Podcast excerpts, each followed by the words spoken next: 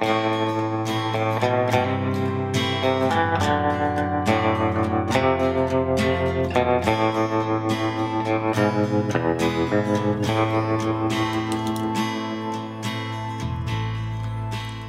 og velkommen til en ny episode av Bortekamp-podden. I Bortekamp, Per Ivar, hva er det for noe? Bortekamp er en organisasjon som jobber med psykisk helse. Prøv å skape litt mer åpenhet og kunnskap rundt temaet, med utgangspunkt i idretten og opplevelsene idrettsprofiler har i det livet de lever. Mm. Og i dag så har vi fått med oss Kristoffer Løkberg fra Viking, av alle ting, i studio. Hei, Kristoffer. Hei. Hei, velkommen hit. Tusen hjertelig takk for det. Ja, eh, omsider. Vi skulle jo prøve å lure etter litt eh, for noen uker siden, men eh, ble utsatt, og i dag er vi her. Ja, Juleplanene vet du, de er hektiske når du er hjemme Ja. på besøk. Da er det, Du rives i alle retninger. Men det er deilig. da, Det viser jo at jeg har eh, folk å treffe, og folk som er glad i meg. Så det er bare fint. Men Ja. endelig på plass. Men det har jeg inntrykk av at det er veldig mange som er. Eh, kjenner jo mye Rosenborg-supportere, og de snakker veldig varmt om Kristoffer Løkberg. Ja, det er jo veldig positivt. altså Vi får se om de snakker like varmt om etter 12. mars og 10. april, f.eks. Men eh, Jo, jo, jeg er jo jo. glad altså, Jeg er glad i andre mennesker. Jeg er ikke så Blir ikke revet i den eller den retningen hvilken religion du er, eller hvilket fotballag du holder med. Til syvende og sist så er vi jo mennesker som hvis du setter deg ned med folk med en kaffe eller en pils, du, kan du prate om alt og være uenig om det meste og gå fra hverandre som venner, selv om du diskuterte på ditt mest ampre. Så det, det er jeg glad i, da, å møte mennesker og se dem i øynene og snakke med folk. Ja. Eh, Du har jo, eh, i hvert fall i fjor, jeg vet ikke om dere har det i år, en podkast som heter Fotballrådet. Stemmer. Ja. Vi skal fortsette, altså. Ja. Det er ambisjonen. Du og Vegard Flemmen. Stemmer. Og så får vi jo se litt eh, hvordan det blir, da. Det er jo uh, Vegard har jo jobba med norsk fotball eh, for en annen rettighetshaver, og så er jo vi genuint opptatt av norsk fotball, og så får vi gjenstå å se når det er TV 2 som tar over hvordan vi skal føre det videre. Men ambisjonen er her. altså Vi har drevet helt på egen hånd, og det er mest sannsynlig det vi skal fortsette med. Hva, hva sier Norges minste podkast, men beste? Norges minste, men beste fotballpodkast. Ja. Og der har jeg jo hørt eh, Du har jo hatt gjester og vært litt innom eh, tematikk som eh, jeg og Per Ivar òg er veldig interessert i. Du hadde med en Tobias, blant annet fra Lillestrøm. Og da la jeg merke til hvor engasjert du er i psykisk helse i idretten òg. Ja, det er et ekstremt undervurdert tema. Fordi at fotball og annen idrett det utføres med kroppen, men det spilles med hodet. Eh, det taktiske og det tekniske det skal prosesseres i hodet også. Og hvis hodet ikke er på rett plass, så har ikke den kapasiteten som skal til for å utføre det du ønsker, som du gjør i hverdagen, som du øver på hele tida på trening. Når du skal ut i kamp, da er ikke du i nærheten. Da Nei. spiller det ikke noen rolle hvor kjapp du er, eller hvor god du egentlig er. Altså, de egenskapene du har inni deg, det kommer ikke ut i form av ferdigheter hvis ikke hodet er på riktig plass. Ja, er det litt sånn da, sånn, som jeg bruker å si mange ganger i livet, at når du skal gjøre noe, så må du for å få det til, så må du jo tro på at du kan gjøre det. Så når du skal da ta en straffe, så må du jo først tro på at du kan skåre det målet. Ja, og der har du jo selvtillit. Der Ja. er du innom selvtillit, som er veldig viktig for å oppnå toppnivået. Og så har du jo det helt basiset i hverdagen, det å ha det godt med deg sjøl, trivelig med deg sjøl. Velvære. Det er jo grunnmuren der igjen. For det, det kommer ikke fram, da. Til syne for andre at det du kan, kan du, sant? Hvis du driver og sliter i bare du legger deg på sofaen, så svirrer tankene og går i den ene og andre retningen. Hvis du står opp om morgenen og hele tida og du gruer deg til å møte hverdagen, og så skal du liksom spille et spill da, idet du kommer på trening, da, da funker ikke det. Nei, og da tenker jeg hvis du skal ta inn straffen og kanskje ikke har den der selvtilliten eller eh, selvfølelsen på plass, så kan det være avgjørende til at den går utafor. Ja, du kan øh, hende seg at du er så god til å ta straffer at det går bra lell, men over tid så da spiller ikke du, da. For at du, du er ikke god nok til Du får ikke å prestere på nivået nivå du ønsker, så du kvalifiserer for laget. Så da ender du opp med å ikke ta straffer. Og du har jo en historie. Du starta Du Du var med på dette Strindheim-eventyret sammen med gutta boys, du. Ja, jeg vil kalle det et eventyr, jeg òg. Jeg er jo Strindheim-gutt i utgangspunktet. Spilt der fra jeg var 6 til jeg var 19. Og den eh, gjengen som ble et eh, enormt godt juniorlag, som videre ble et seniorlag sammen med, med Finn Morten Moe som trener i spissen. Det var et eventyr ja, som var ja, det ville jeg ikke ha bytta ut mot noe som helst. Nei, for det, det generasjonen din hører vi om ganske mange som har vært som var på det laget, som spiller fotball i dag. Ja. eh, Aasen, fremtredende i Lillestrøm, var en del av den gjengen. Meget viktig. Eggen Rismørk, en del av den gjengen. Eh, Jørgen Øverås Olsen, som eh, også har spilt en del. Og så hadde vi jo haugvis av dem som What could have been? da. Dem som du kan sette deg og møte i jula nå med en pils og si at 'jeg var nå egentlig bedre enn deg'. vet du. Så. Ja, jeg skulle si hvordan går det med Alexander Larsen, men Nei, eh, Alexander han har jo et eh, fint liv, eh, og kjenner jo han. Og han har jo hatt et lite fotballeventyr, han òg. Så bare i Danmark av alle ting. Ja, Alex er strålende mann i tillegg, da, og en pådriver i altså, Han var ikke en del av juniorlaget, men han var en pådriver i det miljøet. da, Og Alex var jo en pådriver i andredivisjonsmiljøet i Trondheim som skapte altså, Det fantes ikke noe større enn andredivisjon i Trondheim før. Det var det kuleste og feteste. Det var til og med supporterklubber på Kolstad og alt mulig. Ja, herlig. Eh, og var det derifra veien din gikk til England? Ja, stemmer. Jeg for på prøvespill eh, høsten 2010 en uke, og gjorde det jo bra der. Og fikk et eh, tilbud før vi reiste hjem, og sa at vi vil ha deg permanent over fra januar. og ja, for hvem er ikke guttedrømmen å reise til England og leve av å spille fotball? da? Når du kom dit, eh, da ble du møtt av en, eh, av en legende i, i, i Sheffield, ikke sant? Eh, Husker du hvordan dere ble mottatt, du og Tønne? Altså, du blir jo sett litt ned på. Altså, for det første så kommer du, og så er det jo noen som lurer på hvem i huleste du er. Ja. Og, og de guttene i din alder, da, gjerne de lokale, sant? de lurer på er ikke du fra Norge, hva, hvorfor skal du hit og prøve å ta fra oss drømmen vår? Mm. Så det, det, der, der begynner knivinga. Så husker jeg når vi vi trente jo med det som var sånn utviklingsgruppa, og så fikk vi trene med A-laget. Og da var jo liksom på oppvarminga så var jo legenden Chris Morgan da, som uh, bare overhørte han si til hvem i helvete er de her to? Nei. Mm. Hvorfor skal de være med, liksom? Nei, og måtte han forklare de er fra Norge, og de skal være med i to dager. Og sånn, sånn. Men uh, det går som regel bra hvis du viser dem at du kan spille fotball. Da, da blir du fort akseptert. Men den kneika for å vise at du kan spille fotball, den blir straks ganske mye verre enn hvis en kommer bort til deg. 'Hei, hvordan går det med deg? Hvem er du?' 'Å ja, du er her, ja. Hva?' Og så videre og så videre. sant? Blir tatt inn i varmen. Da løfter jeg ganske mange centimeter. altså Det var ikke kjempestor eh, av vekst da, ikke kjempestor av vekst nå. Jeg ble eh, i hvert fall ikke større av eh, å bli mottatt på den måten. Nei.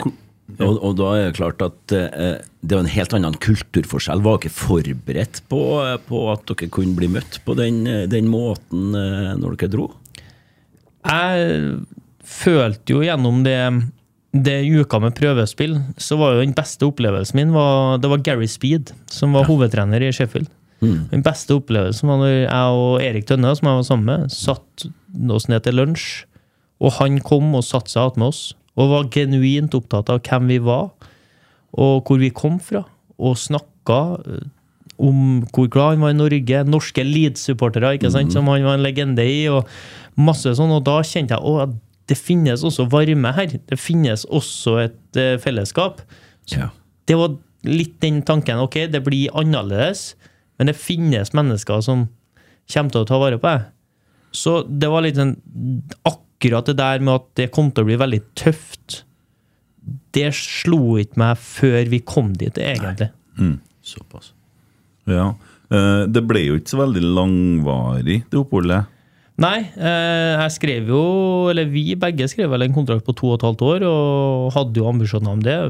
Kom jo i januar, og eh, vi flytta jo sammen da, inn til vertsfamilie, veldig hyggelig dame. Eh, og, og bodde sammen der, og sammen med også en fra Australia som hadde kommet til samme gruppa som oss. Da. Men det jeg kjente på, var jo at idet du gikk inn i garderoben, der jeg kom fra Strindheim, der garderoben var det aller helligste. Den plassen der du snakka om alt, den plassen der du kødda med hverandre, den plassen der du uavhengig av hvor god du var eller dårlig du hadde vært, Der var vi en enhet. Der var vi oss. Der var det meg og du og helst ikke at vi er kamerater, vi er konkurrenter. Og da ble det ikke noe glede i å fære på trening. Så da forsvant mye av det som var fotball for meg. Da Da gikk det jo fra å være en hobby til å bli en jobb. Fra å være den leiken du kjente på Løkka, den gleden sammen med andre, til å bli en konkurranse om å nå opp og fram. Og så tror jo ikke jeg ærlig og oppriktig heller på at det er veien opp og fram. Da. Jeg tror jo av hele meg at å unne andre suksess er det viktigste kriteriet for å sjøl oppnå suksess, og det å hjelpe andre til å bli god, er også det som gjør deg sjøl bedre. Så sånn sett så lærte jeg jo, uten å vite da, kanskje ekstremt mye om meg sjøl og mine verdier. da. Eh, Men det å Som jeg ofte fikk eh, spørsmål om, da, eller som jeg fortsatt kan få, liksom At eh, jeg for hjem derfra etter seks måneder. Jeg tok jo valget sjøl, gikk på kontoret til manageren. Ja, hva, tror ikke at du kunne liksom ha vært proff, da? Tror ikke at du kunne liksom opplevd mye mer, oppnådd mye mer? Da sier jeg nei, jeg hadde ikke hatt sjans til å bli god. Jeg hadde ikke hatt mulighet, for at det var så mye som plaga meg oppi hodet. Nettopp det her. Jeg kunne grue meg til å dra på trening. Jeg kunne grue meg til kamp, for jeg visste at jeg følte meg ganske alene. Selv om jeg hadde Tønne. En fantastisk fyr. En, en av mine beste kompiser, og som støtta meg. Og vi hadde det veldig fint sammen. Så var det, det gikk ikke an, for at det holder ikke med én. Du må ha en hel gruppe som drar i samme retning. Så hadde jo han an- Og derfor hadde ikke hatt sjanse. Veien videre derfra Det hadde vært eh, ned i et sort hull, tipper jeg, der man kanskje har mista hele fotballgleden og kanskje har endt opp med å ikke, ikke ha fått det man har Ja, fått i ettertid. mista helt gleden med det, ikke sant? Og eh, der her blir det en liten sånn, eh, sånn kort avsporing fra hovedtemaet, men hadde jo jeg visst, når jeg dømte deg i en treningskamp, ikke sant, med det samme du kom fra Sheffield, ikke sant, alle visste at du har vært der og sånn, vi trodde jo at du var en liten sånn hotshot, eh, inklusive meg sjøl. Husker jeg dømte deg i en treningskamp, og og, og, og da behandla jeg deg litt deretter, etter sånn som vi får Sånn som du skal gjøre. Ja, så, ja egentlig det òg, da. Men jeg husker du situasjonen, eller? Ja, jeg husker det. Det, Ja. det, det har jeg jo kødda med i ettertid. At det var jo derfor vi var så glad i deg som dommer òg, var jo at du hadde jo meldingene i orden. Der vi kjefta på deg, så kjørte jo bare en liten frekk en tilbake. Så var det bare å holde kjeft etterpå. Ja, hva er det som skjer akkurat konkret der? Jeg, jeg, jeg husker det jo. Eh, treningskamp mot, mot Molde for eh, Ranheim sin del. ikke sant? Jeg bodde jo eh, rett utafor Molde den tida her og, og, og dømte kampen. Og så var han jo litt verbal, sånn som han har fortsatt, og, og skal være òg. Og ja, ut livet, eh, Kristoffer. Og så skulle han ha frispark igjen, da, vet du. ikke sant? Og Jeg syns jo ikke at det var noe, ikke sant? så jeg bare eh, responderte til når han sa Helvete, han må jo begynne å dømme begge veiene, ikke sant? Du, få orden på touchen, du, før du begynner å klage, sier jeg, ikke sant? Kjempemelding. Det er kjempemelding. Og det er klart at altså, om, om det så ut som han hadde verdens største sjøltillit, ikke sant, så hadde han jo ikke det. Det er det han har forklart oss nå.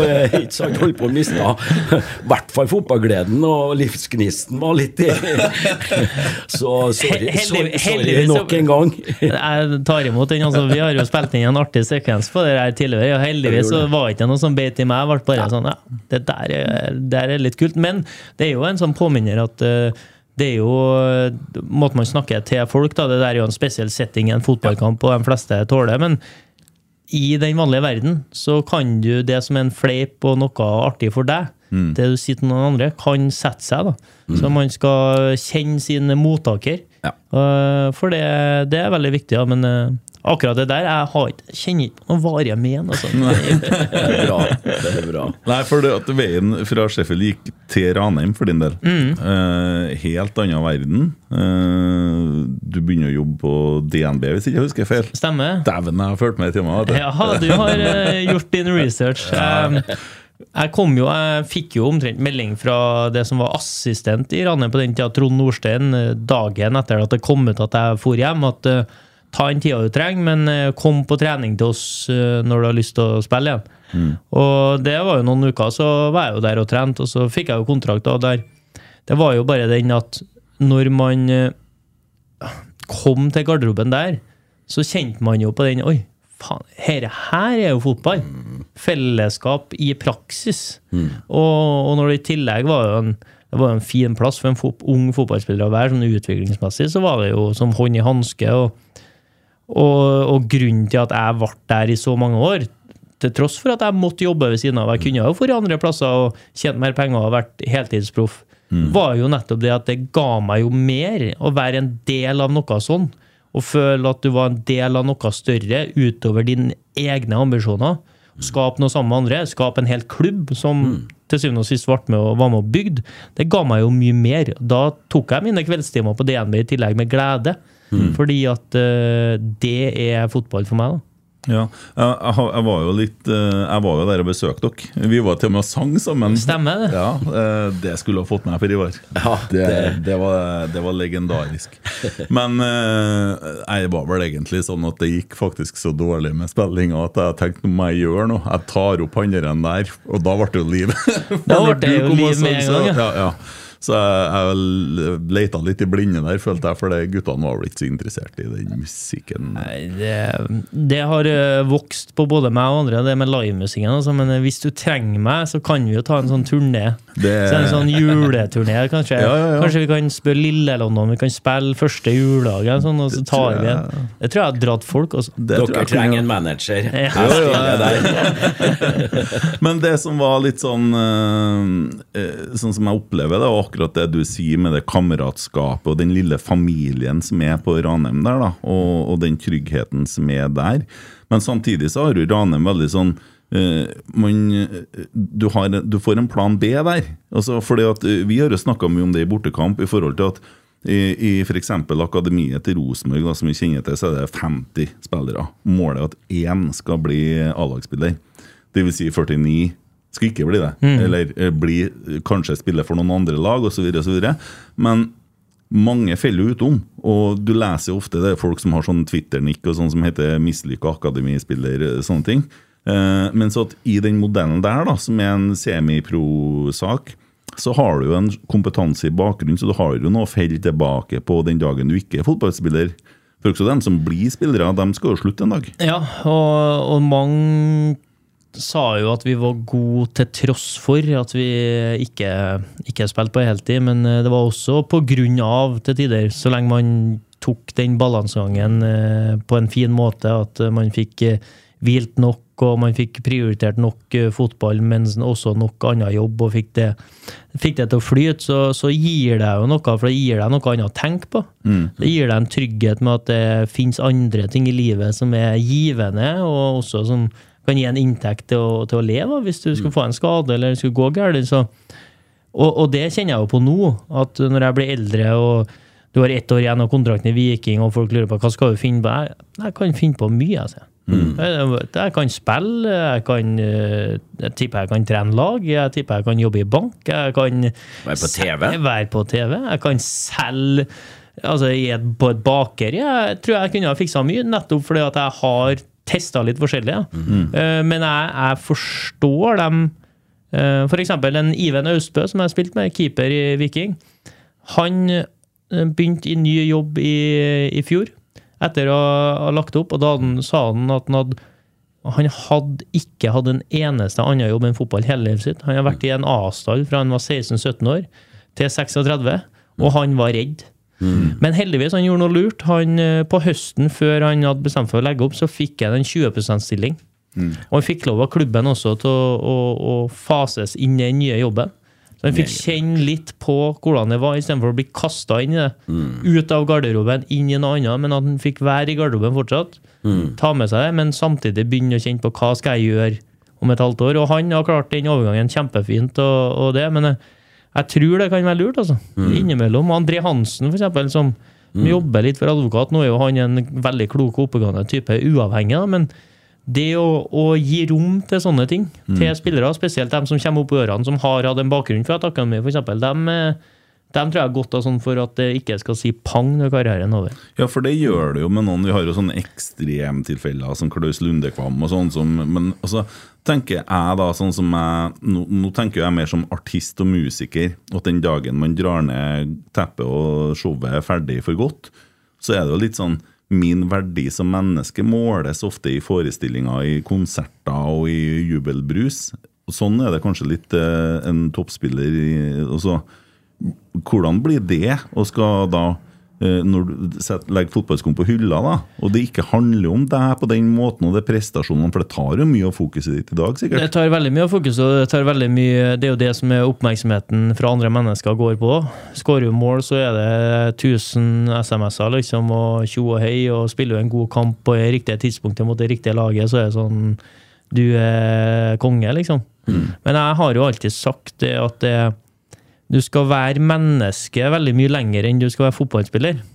Og blitt veldig opptatt av det at jeg skal ikke måle meg sjøl i antall skåringer en sesong, eller i antall spilte minutter, eller i, i på en måte anerkjennelse fra andre, om det er børs eller hva det er for noe. Jeg måler meg sjøl i hva omgivelsene hva jeg legger merke til at omgivelsene setter pris på meg, uavhengig av de faktorene der. da. Hvordan mine lagkamerater, dem jeg er med i hverdagen, setter pris på meg og gir meg feedback på hvordan jeg er som person overfor dem. Det er det jeg skal måle meg sjøl på. For det kan bli et ekstremt tomrom hvis du måler deg sjøl på som spiss, da, for eksempel, og skårer mål. Hva er du god til ellers, da? Jeg vet ikke, jeg er god til å skåre mål. Du må på en måte Utvide rammene. Utvide rammene og vite at det er bare en sånn Det er en liten greie i et stort og langt liv, forhåpentligvis. Så selvfølgelig, det, det blir jo ekstremt, og det blir jo bare verre og verre. Jeg tror det blir en større og større utfordring for unge mennesker, fordi at du har sosiale medier oppi det her i tillegg. Og en utvikling av fotballen jeg ikke liker, det er jo at det omtrent har gått over til en individuell sport der individet er ekstremt opptatt av å fremheve seg sjøl. Altså, du kan se spillere som taper kamper, likevel legge ut det må, jævla målet de skåra. Sant? At det var liksom Yes, eh, måloppnåelse for meg, det. For jeg var god. Og da vet du at da har du et ekstremt behov for å promotere deg sjøl i sosiale, for at det er det du er. Ja. Det er jo agentvirksomhet, og kontrakter til spillere er jo kortere. Du, Ja.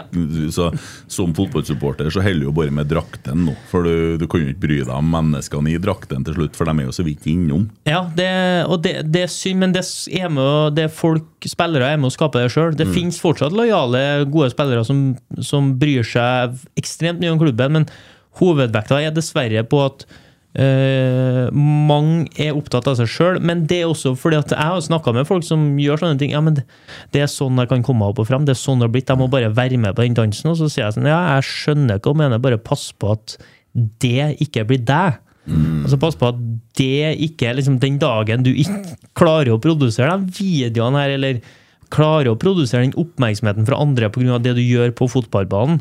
Da kan ikke det bli tomt til deg. Du må huske at du har venner og familie og sånn som egentlig bryr seg katta om du spiller fotball, eller om du ja, graver i hagen til naboen, eller hva du holder på med. Det var kloke ord. Ja, det var det. Eh, og så tenker jeg litt nå på det eh, Ranheim-eventyret som du var med på, for vi, vi må jo snakke litt om det òg. For det, det er jo litt sånn imot alle odds her, så, så rykker man jo opp eh, på en litt Jeg husker til med opprykkskampen da, eh, mot Sogndal. Men eh, å gjøre det faktisk bra i Eliteserien, som eh, Ja, kaller jeg semipro, gjør man Det ikke? var eh, Ja. fasiten på semiproff. Altså det var eh, Jeg har sagt det høyt før. Jeg kan si igjen, jeg har tjent 14 500 kroner i måneden Mm. eh, før skatt. eh, Som eh, eliteseriespiller. Og den sesongen her var jeg i flere medium eh, Selvfølgelig pga. en hype òg. Ble tatt ut på årets lag. og Jeg, jeg signerte jo med Brann, som leda Eliteserien den sommeren, så jeg var jo god. Men, men vi var en gjeng med halvamatører som hadde det lille ekstra i form av et fellesskap og en lidenskap for det vi holdt på med, som derfor kunne øh, gjøre det såpass godt. Da Vi ble nummer sju til slutt, men halvveis var vi vel nummer tre. Og, og, og vi spilte god fotball, og vi utvikla spillere. Det var jo også viktig, for det er mange fra det laget som har tatt nye steg, som spiller også ut i Europa nå. da. Ja, og, og, og, treneren han ble jo kåra til årets eliteserietrener, Svein Målen.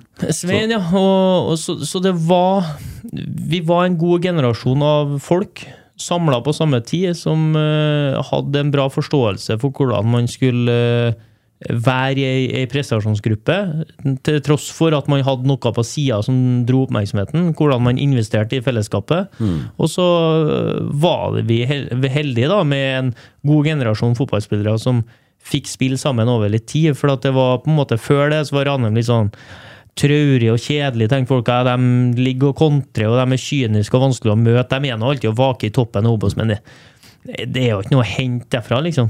Så, så vi fikk jo beholde mange gode, og det var først etter det at folk fikk øynene opp at her var en del gode spillere og satt sammen i systemet. Ja, det var, var en fin tid for Ranheim-supportere og Ranheim-folk. Eh, Som Rosenborg-supportere så husker jeg jo når dere slo Rosenborg eh, det året med Rosenborg-spill. Ja, altså, jeg husker jo den kampen i det året på Lerkendal. Det ble jo 1-1, men det var jo en og over igjen. Det var jo før det ble fullsatt nå, mm. mot Bodø-Glimt, var det, så var det den mest besøkte kampen i øverste divisjon i Norge på alle de år. da. Og da husker jeg jo at vi eh, vi spilte jo god fotball som trøndere gjerne kjente seg igjen. Ja. Eh, typisk klassisk trøndersk eh, 4-3-3 som mange er opptatt av. og da var det jo var vel sikkert av 21 000 var det vel 3000 når kampen starta, som eh, håpa Ranheim skulle vinne. Og så merka jeg når det sto 1-1 og var igjen et kvarter, så var det omtrent at eh, 12 000 håpa at Ranheim skulle vinne. For det her var det som engasjerte dem, som ga dem noe. Ja. Nå var jo vi på forskjellige steder, og det var kurven vår var oppover. Så det, og det er lett å like underdogen, men det var en opplevelse som, jeg, som sitter igjen eh, veldig godt. Seieren jeg snakka om, blir gjerne en cupkamp noen år tidligere. Det, det stemmer, og vi tok dem etter ekstraomgangen her. Ja. Gode opplevelser. Ja, det er noen syns det òg. Perry fikk fyken dagen etterpå. Ja, ja, stemmer det. Det gjorde det, ja. Ja. Ja, nei, det var vært med på litt eh, av hvert, ja. Og så går ferden videre til, Ran, nei, til, til Brann, da. Nå blir du bergenser ei lita stund. Ja, ei lita stund. Det var jo en eh, stor overgang for meg. Da fikk jeg jo endelig leve av fotballen. da. Eh, Konsentrere meg fullt og helt om det. Og så fikk jeg en kjempefin inngang i den gruppa. Jeg fikk jo en lederrolle med en gang. og Men vi var jo en gigantisk tropp. Altså, jeg kommer aldri til å spille for en tropp av så mange etablerte, gode spillere noensinne.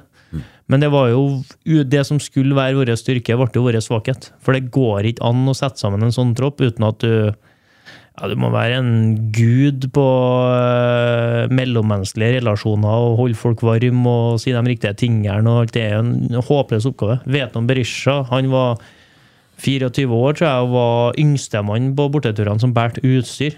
Det, det, en, en sånn gruppe det går ikke i lengden, da, for det, det blir indre stridigheter. Så det, det lærte jeg veldig mye av at det, en så, hvor viktig garderoben er. da, For der var ikke en, en garderobe som gled godt sammen, der det dro i samme retning. Der var det personlige interesser i, i stor grad, da, der du kunne se folk etter du har vunnet, være pottesur, for da visste de at da var det lengre vei for dem til å få spille. og. Det var ikke et fellesskap som, som ønska det samme. Da. Så det ble bare med et halvt år, det òg, for Viking så jo sitt snitt til at det her når vi hadde røkket ut av E-cupen, og vi hadde også røkket ut av cupen, at nå var det altfor mange spillere som skulle spille altfor få kamper. Mm. Vi var seks etablerte midtbanespillere der alle var over 25. Og da banket de på døra og ville kjøpe meg. og En samtale med Bjarne Berntsen som eh, ja, han eh, så meg for den jeg var, og var trykka på de riktige knappene for eh, å fortelle meg at du skal komme hit og være god på det du er god til, og utfylle resten av gruppa på den og den måten, så tok jeg et valg da som var veldig vanskelig og veldig tøft, for du tenker jo at alle andre tenker at «Å, nå er du mislykka, nå hva du driver med, liksom, for jeg gikk jo fra Brann som lå på fjerdeplass, til et Viking som var lenger ned.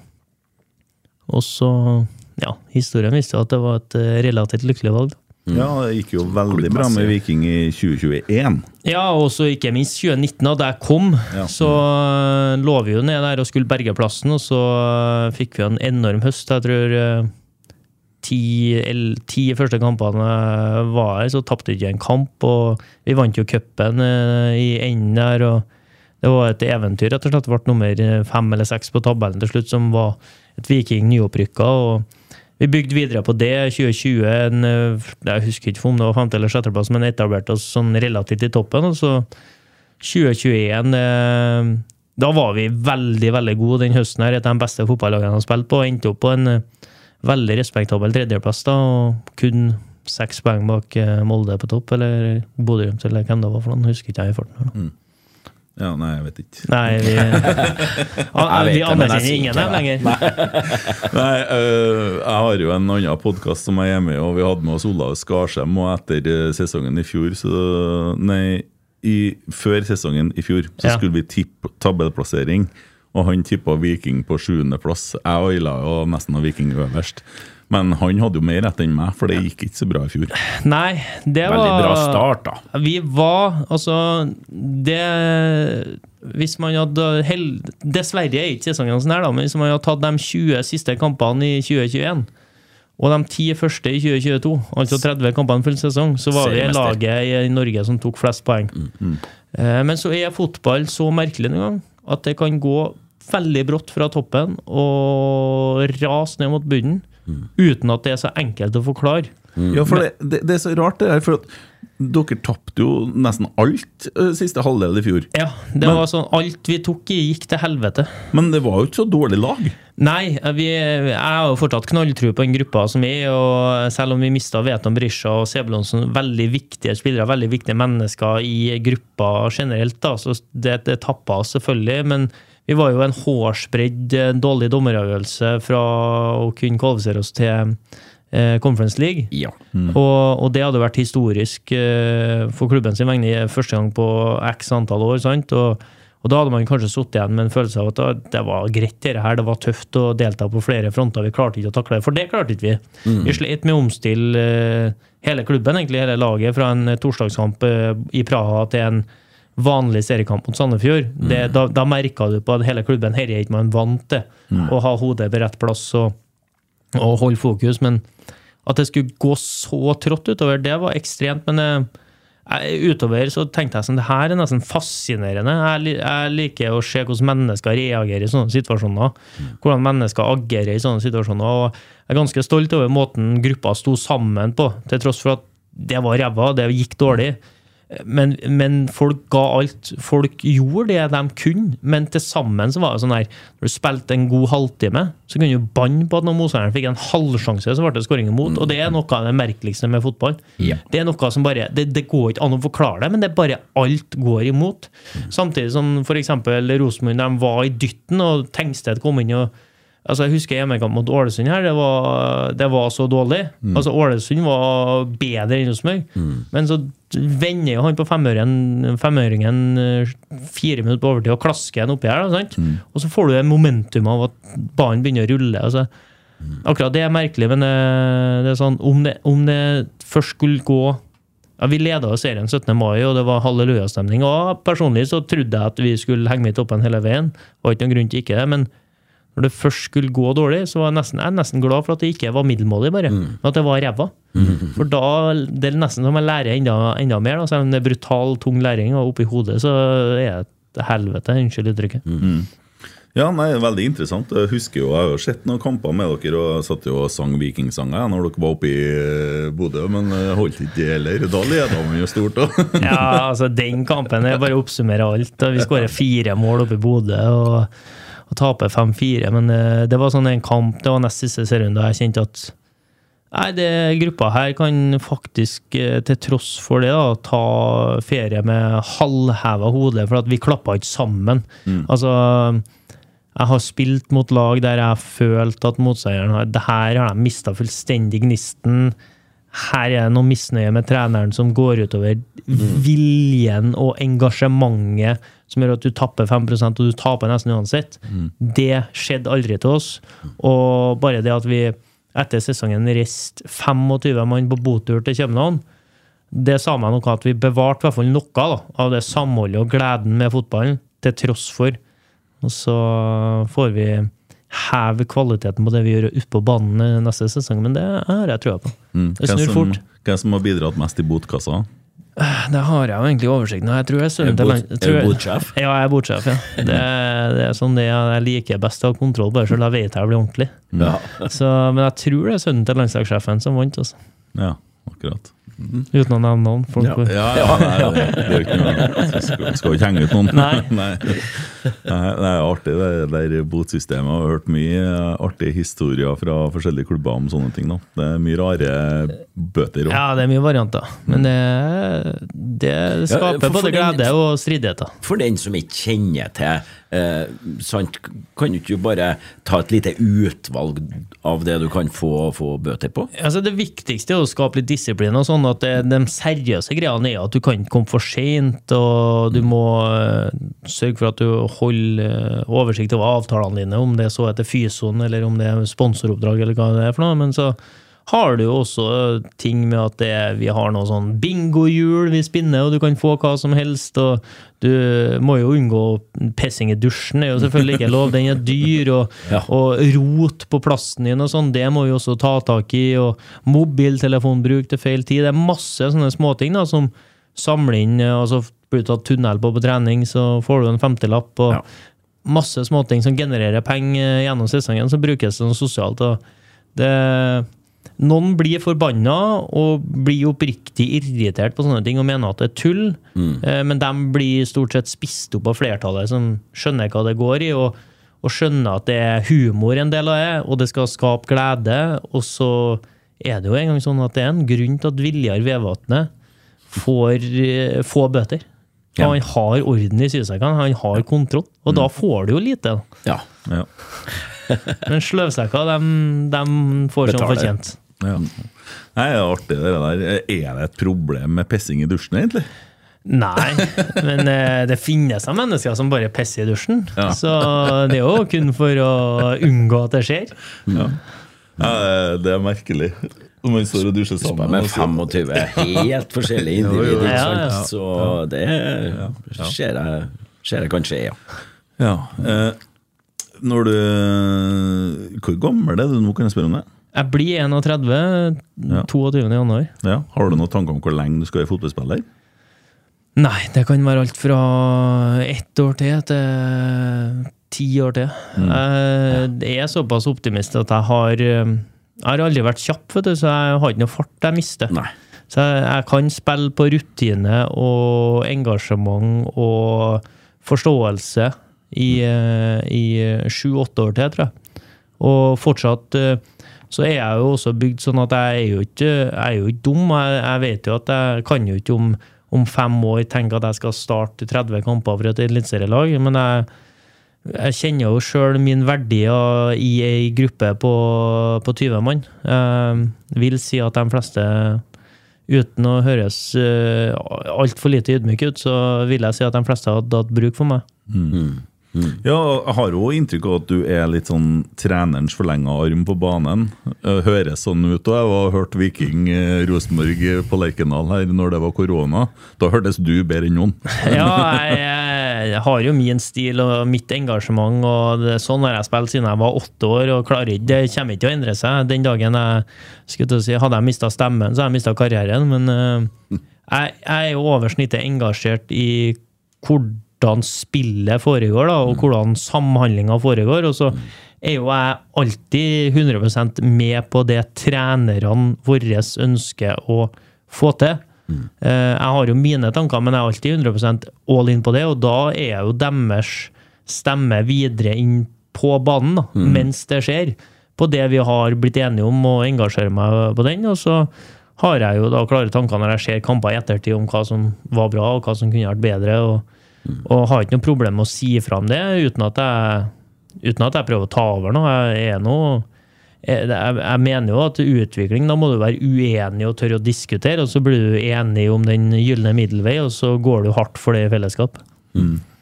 Ser for meg Drømmen må jo være å ha deg og Eggen Rismark på samme laget.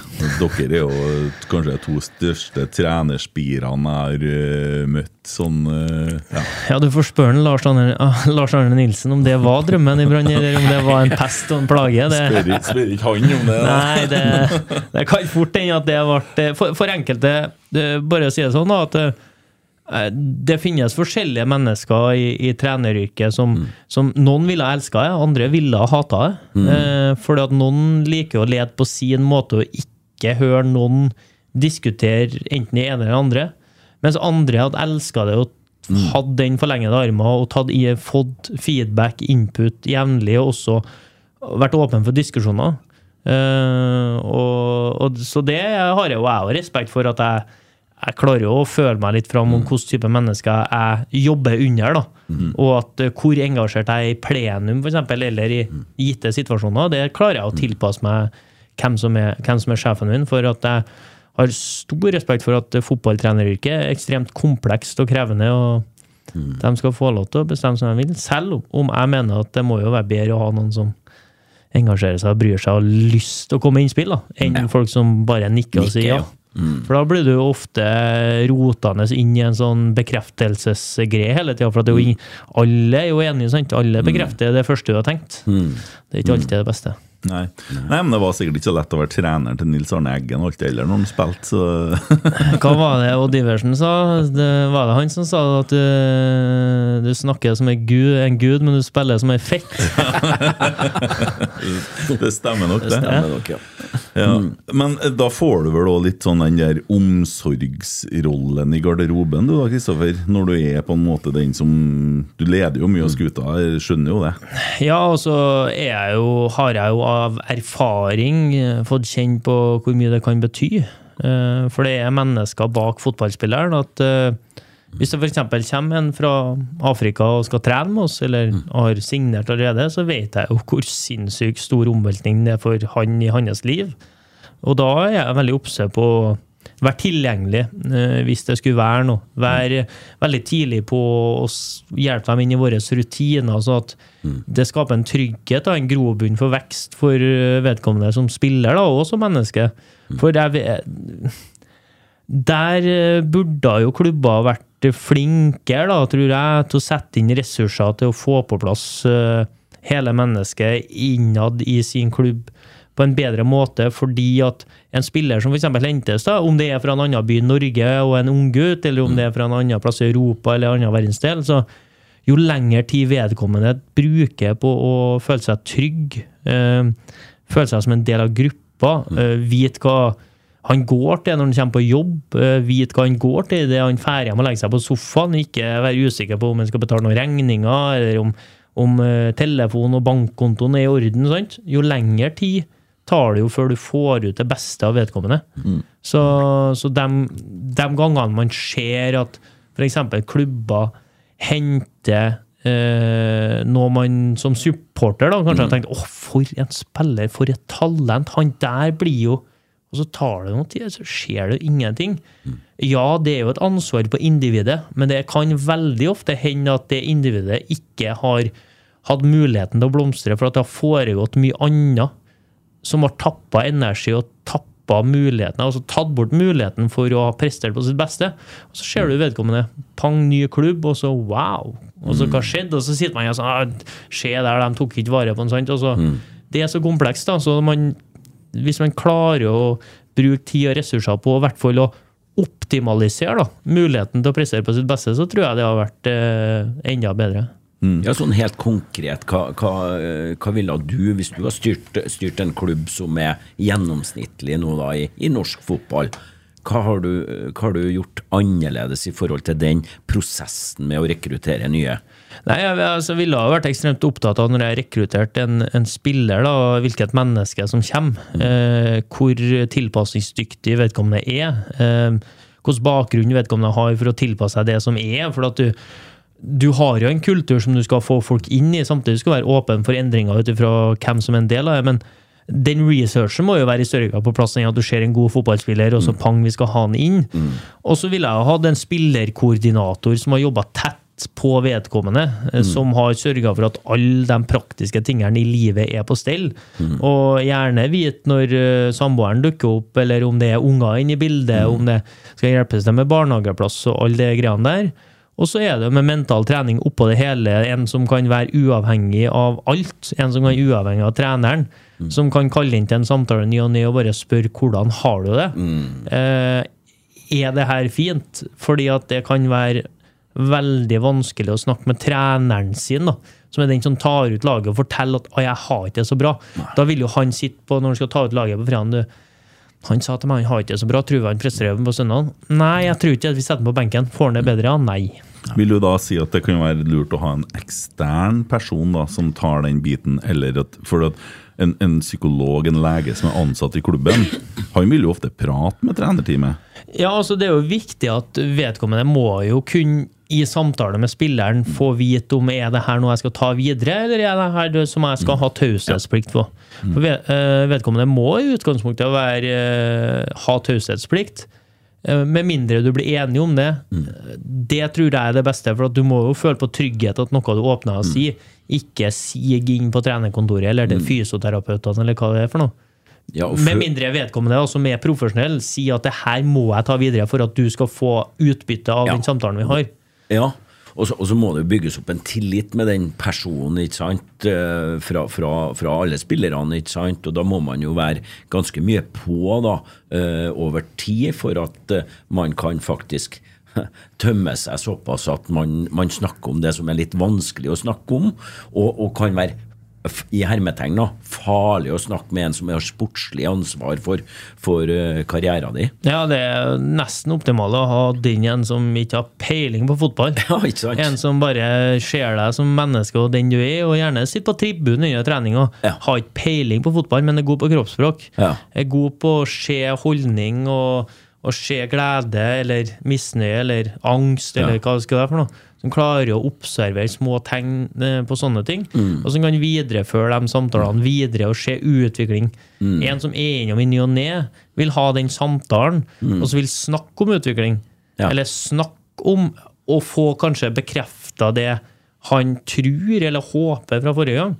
Men en som faktisk kan si 'jeg hører du si det', men det vises ikke i praksis. 'Jeg hører du si at du jobber med det', men det ser ikke sånn ut på feltet. Du har de samme uvanene med det og det og det. Du har det samme holdninga, det samme blikket når du kommer inn til frokost. Skjer det noe egentlig? Da tror jeg du kan skape noe, en, en relasjon som kan funke, da, som du får utbytte av. Og som du igjen får økte prestasjoner, flere poeng og mer penger og alt sånt. Det genererer jo til slutt. Mm. Vi har jo hørt om eh, i forhold til det med du sier mer penger, eh, og spillere tjener jo mye penger. Og vi vet jo at det er ganske mange som kanskje spiller veldig mye. Eh, og hører jo mye episoder om det. Vi hører episoder om rus og, og, og, og sånne ting. Har du vært borti noe sånt i noen av lagene du har vært innom? Utfordringer på sånne ting? Ikke, ikke, kjenne, ikke en utfordring som jeg har kjent på som oi, det her er en problem for laget vårt, men jeg har spilt med folk der jeg har øh, vært usikker på om eh, ja, Er det så lurt at du fær på pokerklubben? Er det så lurt at du øh, spiller på det? Er det så lurt at du, når det er frihelg, fær med dem og de kompisene og, og drikker det og det? Um, og for folk blir jo prega av det, og hvis det er for mange i en gruppe som har en en interesse for sånne ting, så blir det usunn kultur. Og eh, heldigvis da, så har det toppidrettskravet, tror jeg, det, det er den fysiske kravet, det å spille fotball i dag, da, eh, tatt bort litt, da, for at du henger ikke med eh, hvis du, hvis du sklir ut. Men det finnes fortsatt et, et problem, og da handler det også om utdanning, opplæring, spesielt til unge mennesker. At hvordan forvalter du de her pengene? Mm. Det, det er jo Problemet kommer jo ofte når du får mye penger mellom hendene, og du bor hjemme kanskje til foreldrene dine, og så legger du til et utgiftsnivå som Det er kunstig lavt. det er kun, ja, det er kunstig lavt på utgifter. Eh, utgangspunktet er det som må betales, så alt er bare kosepenger. Alt er kosepenger, og så kommer du til et sted der du Ja, du får nå kjøpt deg leilighet, for du har jo økonomien i orden, og så videre, men du er ikke vant til utgiftene, så kosepengene fortsetter å være det samme. Sånn. Du spiller, du spiller, eller du drikker og koser og gjør det som helst. Sant? Og da burde det vært oppfølging på et tidlig stadium der du hadde ja, jeg, Personlig så er jeg jo forbanna for at jeg ikke har vært engasjert nok i hvordan jeg investerer pengene mine i et fond, f.eks. Der noen forvalter. Hadde jeg fått visst det, visst det når jeg var 18 år, så hadde jeg jo jevnt over investert det. Nå har jeg jo lært en del om det de siste årene, og har etter det fått liksom blitt litt dilla på det. sant? At du ser at her vokser pengene dine, og noen andre passer på det du sparer opp, og du blir Men vært kult å se hvor du har vært den, da, på den fronten, hvis du hadde lært det på videregående. Ja. Veldig interessant. Ja, det er veldig interessant, og det er jo på en måte et eh, Ja, det er jo en, eh, en shout-out til, til skoleverket, ikke sant? For det man Og, og det igjen er jo også litt av samfunnet. Det med, det med penger og økonomi på på personlig plan, det er vanskelig å snakke om. Det er et av tabuene i samfunnet vårt. Både når det er dårlige tider, og også hvordan du kan forvalte noe. ikke sant? For det, det, det, det skal jo vente med til du kommer på BI eller sånne ting for å lære, og det er færreste som kommer dit. Men, men det jeg er helt enig med Kristoffer. Det er viktig å ikke snakke om det som et fotballproblem. Ja. Eh, det er jo veldig ja. mye som blir dratt inn som et fotballproblem ofte. Det er, det er et samfunnsproblem som yes. unge gutter og jenter eh, bør ha som fag ja. på, på, videregående. For det er det du tar med deg. Må jo beklage til dem som er glad i nynorsk, men du tar ikke med deg diktanalysen videre i livet. Du gjør ikke det. Du tar med det som har med personlig økonomi å mm. Ja, Det er ingen som klandrer deg for å ikke begynne å investere i fond når du tjente 14 500 i Ranheim. Nei, nei det, jeg, fikk, jeg fikk kjøpt meg en leilighet. Jeg jobba i bank, så jeg fikk det, så det, det hjalp på det for den tida. Skjønner hvorfor spillerne kanskje var litt munk, sånn der eh, Hva heter det? Folemunk Nei, ja. Folemunken? Ja, når jeg spilte der, da. For jeg, ja, for jeg, ja, det heter jo Motsatt. Fole, folemunken? Jeg blir så Vært for mye med Kjetil Rekdal. Han stokker sånne. Nei, for jeg kjenner jo like mye på én kveld som dere gjorde på en måned. Så det, blir, det er alvor, det. vet du Jeg skjønner jo det. skjønner jo det. Ja, ja. Nei, det, det Og så over da til denne poden. Du har jo hatt en del interessante gjester i, i eh, den podkasten til deg, Vegard. Eh, der dere òg har vært en del innom psykisk helse i idretten. Og du har jo da han karen i Viking som la opp nettopp pga. dette her. Ja. Og jeg tror, jeg tror, det finnes ganske mange sånne eksempler. Erik Arnebrott, for dem som ikke kjenner til han, var en kjempelovende keeper. Var på U20-landslaget. Han var med i troppen i VM der Haaland skåra ni mot Honduras. Ja. Da var han med i troppen. Ja. Eh, men likevel så viste det seg at han hata å spille fotball. Mm. Eller han hata det å stå i mål med det presset det medførte. Mm. Eh, han sa i ettertid at det som var den store drømmen til folk, å spille foran flest mulig tilskuere med mest mulig engasjement rundt kampen, var hans største mareritt. Mm. Og, og, bare for at han var et talent, som en utvilsomt var, eh, en veldig god keeper, mm. så var det en forventning fra folk rundt om at det skal du bare håndtere. Det skal du bare takle. Mm. Det er liksom, her er ditt lodd i livet, så du må bare takle det. Mm. Men han var tøff nok til å være ærlig med seg sjøl om at hit, men ikke lenger. Livet for meg er bedre uten fotball på et seriøst nivå. Mm. Nå er det jo fryktelig artig med han at han har jo signert noe for en tredjedivisjonsklubb mm. som spiss. Som spiss, ja. Som spiss. ja. Han spilte fjerdedivisjon i fjor og bøtta inn mål. Ja. Men han har flytta tilbake til Stavanger for å, å jobbe med kajakk og fritid. En veldig fin, fin, jobb for han. Men da, han, han syns jo fotball er artig fortsatt. Men mm det, folk må ha respekt for at på det øverste nivået så Ja, du tjener bra med penger. Ja, det er veldig mye artig. Du, jobben din er jo fæl på trening. Det er jo helt nydelig. Fotballtrening, det er dritartig. Mm. Men det er krevende oppi hodet. Mm. Det er veldig mye, mange andre og mye annet enn deg sjøl som kontrollerer din skjebne. Mm. Og han, hans opplevelse som keeper, da, spesielt, at det var veldig mange som kontrollerte hans skjebne. Og han mm. var ikke eh, liksom mm. komfortabel med det. da. Mm. Og jeg har jo sagt til han at er jo, er han er jo et forbilde som tør å ta valget. Og jeg tror jo dessverre at det er veldig mange flere som sitter og kjenner på det samme, men pga. forventningene til folk rundt, så bare står de i det. Og står i det. Og jeg tror at de fort angrer når de ikke Kanskje f.eks. velge å gå utdanningsveien istedenfor. Eller å bare finne seg en annen jobb og spille fotball på hobbybasis. Mm. Få fotballgleden, for det har de ofte. Mm. Men ikke når det bikker over til et press fra andre. Nei. Du blir ikke bare målt av deg sjøl, du blir målt av titusenvis av andre mennesker hver eneste uke. Mm. Er du folemunken? jeg kommer meg ut av det nå, men, men, det er klart, dette eh, tror jeg en del kjenner seg igjen i.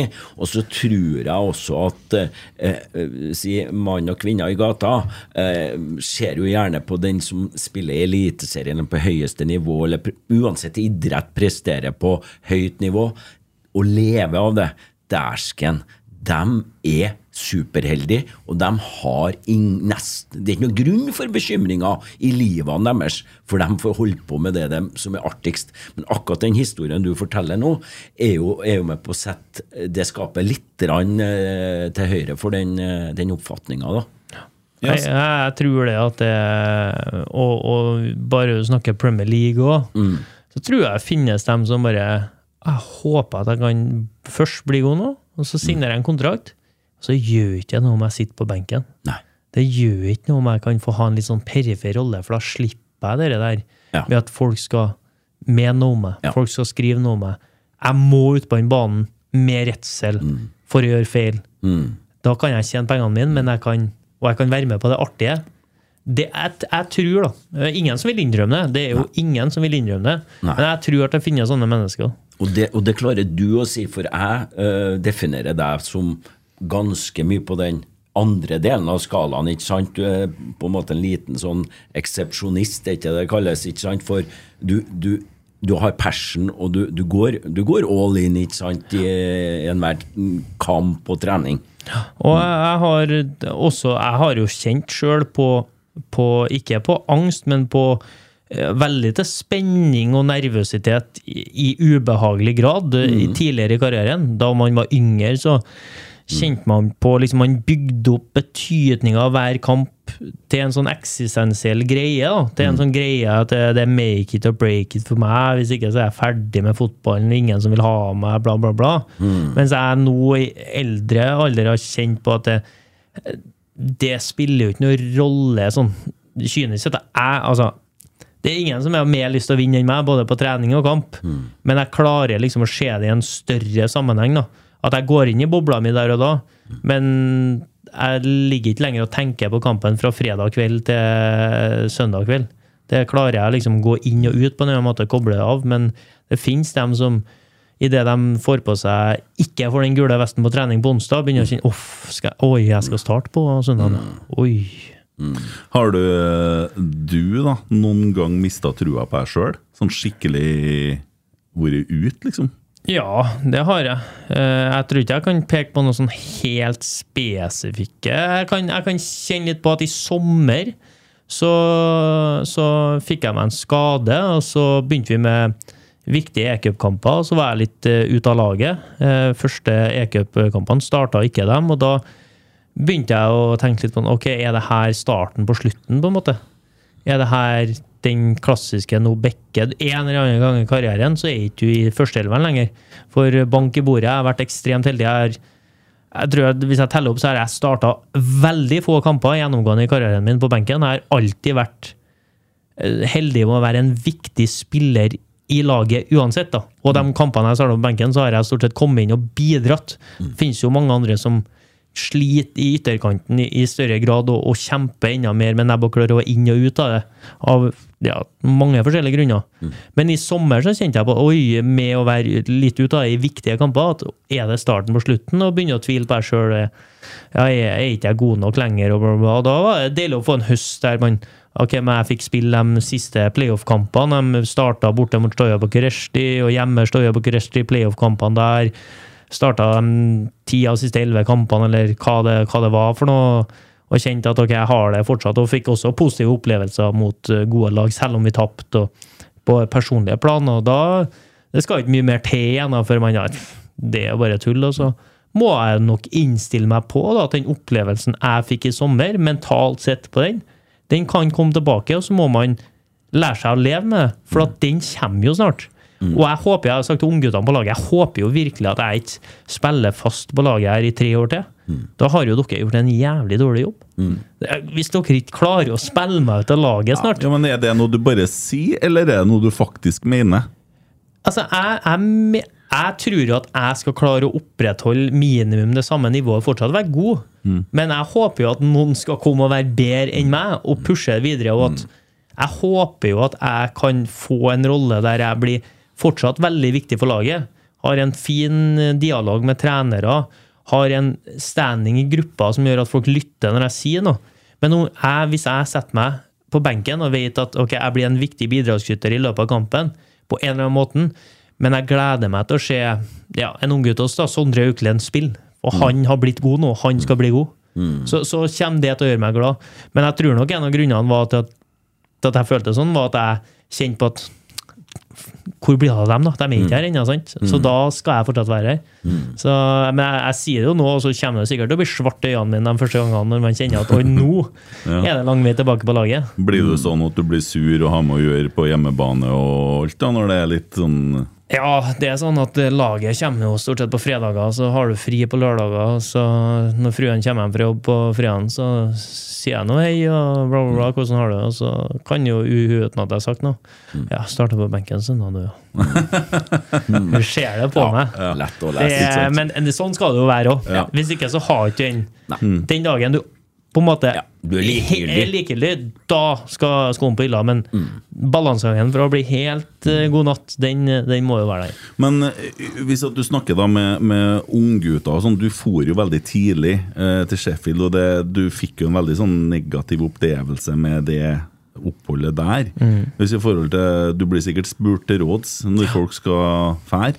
Ja, jeg tror at, uh, som jeg sier til dem, da, at du må være ekstremt klar over de skyggesidene. Altså dem, det som blir veldig annerledes fra, enn fra det du er vant til. Det må du være klar over. Og det er fordeler med å være der. Det er et profesjonelt opplegg. Du kan jo potensielt tjene veldig gode penger. Eh, Det er jo inspirasjon og motivasjon for noen. Og, og du møter veldig mange gode fotballspillere som, som satser hardt, og støtteapparatene rundt deg er enorme. Men det hjelper ikke hvis ikke du er mentalt klar for en kamp, da. I større grad. Spisse albuer, meg eller deg, lag, altså konkurrenter kontra lagkamerater. Eh, Det må du være smertelig klar over. Og hvis du da klarer å evaluere til at nei, jeg liker det. For noen liker jo det. Mm. Tønne for eksempel, han var jo lenge i, i England og på utlån til York, og sånn, for han er jo en annen type. Han eh, er jo et, et annet type menneske enn meg, og for han gikk det jo fint. Og det finnes jo noen der som Jon Arne Risa, for eksempel. Han, For eksempel. Altså, Fyren får jo mye tid, men han, altså, han burde jo vært her og snakka om f.eks. hva som har foregått oppi til han. For han tror jeg på det viset ekstremt mentalt sterk. Det har vært i perioder for å stå i det så mange år i, i utlandet. Eh, så du har jo noen, men jeg, jeg tror jo da, eh, at du har ikke noe vondt av å være lenger i Norge. Du har ikke noe vondt av å spille en sesong to eller tre i Eliteserien. Jeg syns det viser seg gang på gang. jeg. At de som er her over tid, de utvikler seg sakte, men sikkert. Og de viser her at de er gode fotballspillere. Og folk ute, og klubber ute i Europa får øynene opp for det. her. Istedenfor at du blir henta som en liten fisk da, i en ekstremt stor dam til et akademi som drømmer om at enten skulle slå gjennom, eller skulle vi selge deg for fem millioner pund for å få omsetninga til å gå rundt i, på sikt. Ja, for det, jeg har litt sånn inntrykk av at sånn som det har blitt de siste årene, så er det fleste tilfellene sånn som deg eller Edvard Tagseth eller det, det er veldig mange sånne som er Eller Adrian Pereira.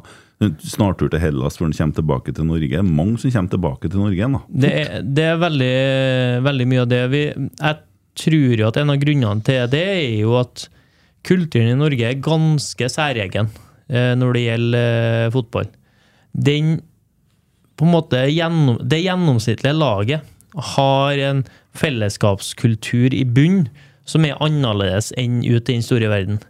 Ute i den store verden så er det større fokus på individet, og individet er mer opptatt av seg sjøl. Ikke like glad på andres vegne. Eksempel sånne småting der du merker at han du har utkonkurrert, eh, har lyst til at du skal lykkes, f.eks. Mm. At han du har benka, han kommer bort og prater med han er engasjert, han prøver å hjelpe deg, kanskje snakke litt om kampen, bla, bla, bla. Det opplever vi i særs liten grad ut i den store verden.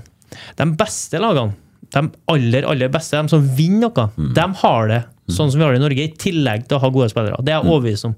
Helt Liverpool på sitt beste, eksempel. Umulig å være så god som de var, uten en kultur der de på benken, som ofte satt på benken, ta en Divok Origi, eksempel, eller hvem det skal være, da. Ikke investert i fellesskapet. City, eksempel, på sitt beste. Så mye som de roterer og sånn, og, og mange gode spillere som sitter på benken. Umulig at de er så gode uten det. Og jeg tror jo de beste lederne der, de luker jo også bort, da. Yeah. Dem som ikke er med på den leken. Men ellers så er det en ekstrem kamp om de store pengene. Så en ekstrem egoisme rundt at hvis jeg Hvis du gjør det dårlig, så er det bra for meg. Ja. Mens i Norge så er vi på den tankegangen at hvis du gjør det dårlig, så er det dumt for laget. Og er det dumt for laget, så er det dumt for meg. I hvert fall hvis du skal lykkes, så må det være sånn. da. Veldig bra. Eh, du gjorde jo et lite kontroversielt valg i høst. Mm. og jobba litt som ekspertkommentator. Og det så jeg det var litt delte meninger om. Det var eh, voldsomt trøkk en periode på sosiale. Det, I Norge har jo den, den boikottkampen sto jo veldig sterkt. Og eh, når jeg også blant egne supportere tok et eh, kontroversielt valg med å og det å jobbe under mesterskapet, og på en eller annen måte, da, uansett hvordan vi vrir og vender på, er, er mitt navn brukes i forbindelse med VM i Qatar, så var jo veldig mange misfornøyd med det. Eh, De mente jo at jeg legitimerte mesterskapet og bla, bla, bla, uten at vi tar den, den lange regla der. Mm. Og det var jo et tøft valg, for jeg, jeg kjenner jo på at det river jo inni meg at det mesterskapet i hele tatt ble spilt i Qatar. Men i ettertid nå, så er jeg jo sjeleglad for at jeg tok det valget. Fordi at jeg eh, kan stå med ganske rak rygg og si at vi i NRK, og også TV 2, syns jeg, dekket mesterskapet på en god måte. Det man nesten sitter igjen med i ettertid, er jo de stemmene fra eh, mennesker i og rundt Midtøsten som føler at vi behandler dem urettferdig kritisk.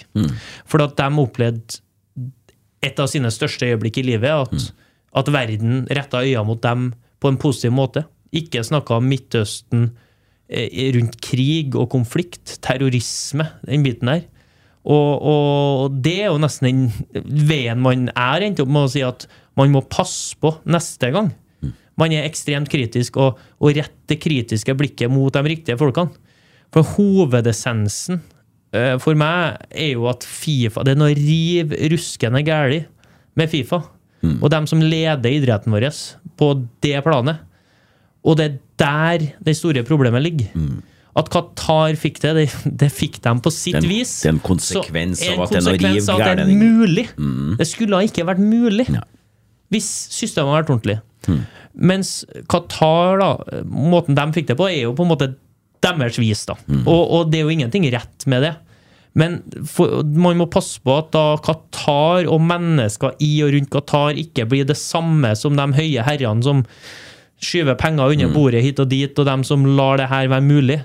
Fordi at um, dem jeg også snakka med som var der, opplevde jo vennlighet, medmenneskelighet. De opplevde forbrødring på tvers av religioner. De opplevde et mesterskap der eh, barnefamilier følte seg trygge og gode og kunne snakke med andre fra andre steder i verden og omtrent feste sammen i gatene og den biten der.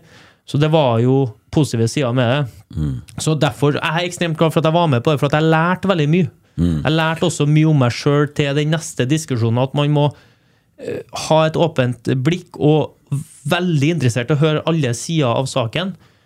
Og så eh, hyller jeg jo fortsatt at norske supportere faktisk gikk i bresjen for å få det på agendaen. Fordi at det hadde ikke blitt et så åpent blikk heller, eller en sånn følelse som jeg sitter med nå, uten at den boikottstemmen og den tydeligheten hadde vært så sterk. For at noen må jo være der også, og ha den tydelige stemmen og den tydelige motvekten.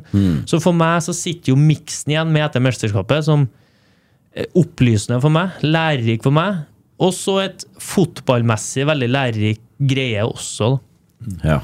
Og jeg tror at uh, du som formidler da, i denne sammenhengen har, uh, har klart, og, og, og begge kanalene, eh, dette med kunnskapsoverføring på de viktige tingene rundt. eh, alle, enten du er for eller imot, eh, de fleste var jo imot, sitter igjen med mer kunnskap om eh, de tingene som du snakker om. Det- uten tvil. Det det, er det viktigste i, i alle tilfeller der det er diskusjoner, er jo å spre kunnskap. Dem som har jobba for boikott, f.eks., de har jo spredd kunnskap om hvor råtten Fifa er, og hva som har skjedd i et land Hvis et land som Qatar får tildelt et stort mesterskap, hva skjer? Jo, det er mennesker som blir utnytta på det groveste, som ender opp med å kan miste livet sitt. Det her kan ikke vi tillate å skje igjen. Og, og jeg tror jo at hvis man bare hadde sittet igjen og jeg aksepterer det er bare sånn det er, da hadde vi vært på ville veier. Ja. Da hadde vi vært på ville veier. Så, så jeg, jeg føler at, og håper, at vi kan sitte igjen om 30 år da, og si at Jeg håper virkelig at vi kan si at uh, mesterskapet i Qatar 2022 var et av tidenes viktigste verdensmesterskap pga. det som skjedde i ettertid. Jeg frykter at uh, Det tar lengre tid. det tar veldig lang tid, fordi at uh, Fifa er bygd opp som det. Et veldig udemokratisk demokrati. Så uten at det burde ha en egen podkast om, så, så frykter jeg det tar lengre tid. Men jeg håper, og jeg drømmer om det. Jo, men summen her er jo da at Uh, alt det som har skjedd her, har jo vært med å belyst også de negative sidene, både med både Fifa og hvordan ting fungerer i Qatar òg. Altså, det er jo uh, fattige mennesker som har fått et ansikt her, som har blitt sett. Da. Og så skjønner jeg jo det at det er jo på bekostning av mange liv. eh, altså, det her, og og, og det, det har jo alle skjønt. men Samtidig da, så er det jo noe med det du får se bak fasaden nå, og der har jo journalistene gjort en god jobb. Jeg har gjort en veldig god jobb, syns jeg, og må fortsette å gjøre en god jobb. for et- det har jo bare starta. Det er nå trykket må opprettholdes. og Jeg håper jo media følger opp det her jevnlig og ser om det er noe utvikling. i det De har sagt at det skal bli utvikling. i. Vi må huske hvor, hvor lang tid utvikling dessverre kan ta da, i forskjellige nasjoner. Altså, de er der vi var, eller mange andre land var for 40-50-60 år siden. Dessverre. Uh, og så håper vi at de spoler fram litt, da. At de girer om litt. Jeg var jo så heldig i 2007 å få være i Kabul og i Mazar-e Sharif uh, og spille. Uh, og det er òg sånn det jeg sitter igjen med etterpå, bortsett fra at det var krig, selvsagt, der, er jo menneskene jeg møtte. Eh, på det her markedene og det, og fikk oppleve og på en måte komme litt innpå. Uh, og at det er kjærlighet, latter, glede, Uh, og folk, folk lever livene sine. Det er veldig sånn spesielle følelser jeg sitter igjen med etterpå. Og det, det er bare jeg kom til å tenke på nå når du snakker om det, for du får jo se sånn når du kommer litt tettere innpå ting. Ja, det, er- det er så viktig å ikke Det betyr jo ikke at du anerkjenner Taliban. Sant? Det, er- det er så viktig å si. Det er jo samme med Russland. Sant? Vær så snill å være åpen og vennligsinna hvis du møter en russer. For at en russer er jo ikke automatisk venn av Putin. Det, da, er vi, da blir det vanskelig å leve livet vårt. Altså. Å være god mot, eh, mot andre mennesker. Det er i hvert fall sikkert at eh, verden den eh, dirrer litt for tida. Det er mye som skjer, og det er bra at vi har fotball og har et lite fristed fra alt annet elendighet som skjer både i strømpriser og kriger og hva ikke er alt som foregår. da. Ja, det er jo det som fotballen skal være òg. Et sted der du kan engasjere deg og grine sammen med kameratene av både sorg og glede, men noe du kan snakke om og bry deg om, som i det store og hele er veldig uviktig, men kan bli så viktig at det overskygger de vonde sidene. eh, Kanskje personlig, men også ellers i verden. Da. Og, og da er det jo synd at sånne mesterskap som Qatar, da, at Qatar får et sånt mesterskap, f.eks., skal begynne å dra folk i den retningen. Gidder dette her mer? Men da er det bra vi har norsk fotball. For norsk fotball, enn, en så lenge i hvert fall, så har vi klart å ta vare på den nærheten og den, den gleden og den lokale forandringer som gjør at uh, man har lyst til å gå på fotballkamp. Mm. Har du lagt merke til supporterengasjementet i norsk fotball de siste årene i forhold til synspunkt på hvordan avgjørelser ble tatt og sånne ting? I, ja. Ja, det har vært en ekstremt uh, stor og viktig endring i det politiske engasjementet. Og når jeg snakker politisk, så er det klubbpolitiske avgjørelser osv. Og, så og det, det er jo det vi må ta vare på. Eh, og så må man bare passe på at det, supportere og alle mennesker har medbestemmelsesrett. Men det betyr jo ikke at man skal bestemme. Bestemme. Eh, for til syvende og sist må man jo stole Når det ikke er avstemninger, i medlemsklubber så er det avstemninger, men til syvende og sist må man bruke stemmen sin, engasjere seg, men så må man også stole på at enkelte mennesker med sin kompetanse som er ansatt i klubber, fatter avgjørelsene etter å ha veid opp og ned og i mente det de hører derfra, derfra, derfra, og alle klubbens eh, fordeler og ulemper med et valg. Da. Det er jo et klubbdemokrati, det, ikke sant? Ja, og der er vi heldige at vi fortsatt er i Norge. Og det må vi ta vare på. Ja. Ja, du er jo heldig som er i Stavanger. Der er det jo både flere podkaster og veldig engasjerte dem på felt O, hvis ikke jeg husker feil. Uh, mye engasjerte folk i Stavanger. Ja, og vi er prisgitt et uh, Ja, det er jeg så glad for, og dem i dårlige tider så er de omtrent mer engasjert enn noen gang, og de skjeller oss ut og blir forbanna. Men de møter opp på kamp på søndag og synger av full hals og gleder seg og gruer seg og alt som er med å være supporter av en fotballklubb. Så, så jeg, da, blir jeg, da får jeg respekt for supporterne når man eh, engasjerer seg på den måten, men fortsatt møter opp på kamp, uansett hvor forbanna man er på det som, det som foregår. Mm. Stavanger ellers, da. Jeg var så heldig å være i Stavanger i sommer. Faren min var jo derfra. Eh, Det må jo være en av de fineste byene i Norge. Ja. Uten tvil. Og det å rusle ned i Vågen, for eksempel, det er jo en sånn Det er magisk. Det er vakkert på en, en fin sommerdag, og så rett og slett det er lite nok, eh, men ikke for lite. Liksom. Det er en perfekt, lun, fin eh, følelse. Og så liker jeg jo klimaet. Jeg, jeg trenger ikke den snøen og ti minusgrader. Det er, nå så jeg på værmeldinga nå at når det er åtte minus her, så er det fire plussgrader der. og da blir det litt sånn fint engelsk klima der det ikke er så mye snø i gjennomgangen. og jeg kan bruke elsparkesykkelen min stort sett hele året. Ja, For dere har en sånn svær hall dere eh, på denne årstida? Ja, altså vi har jo Randaberg Arena, så er Vikinghallen. Men eh, nå er det sånn, det er fint og flott, det ser det ut som utvendig, men det er jo kunstgressene som har en skaderisiko høyere enn noe som helst. Da. Så det er ikke brukende det er så voldsomt med aktivitet på, toppnivå, i hvert fall. Nei, sånn, ja. Mm. Eh, Kristoffer, da, hvor du skal hen, da? Til slutt? Nei, jeg er jo trønder, da, og hvor er det trønderne skal hen når de uh, Skal du inn i Rosenborg? Nei, altså, jeg skal bo i Trondheim i størsteparten av livet mitt, og så får vi se når det blir. Jeg er glad for å være på besøk nå, men eh, jeg og fruen er fra Heimdal, så vi vet at vi skal tilbake til Trondheim, og så får vi bli enige om når. ja.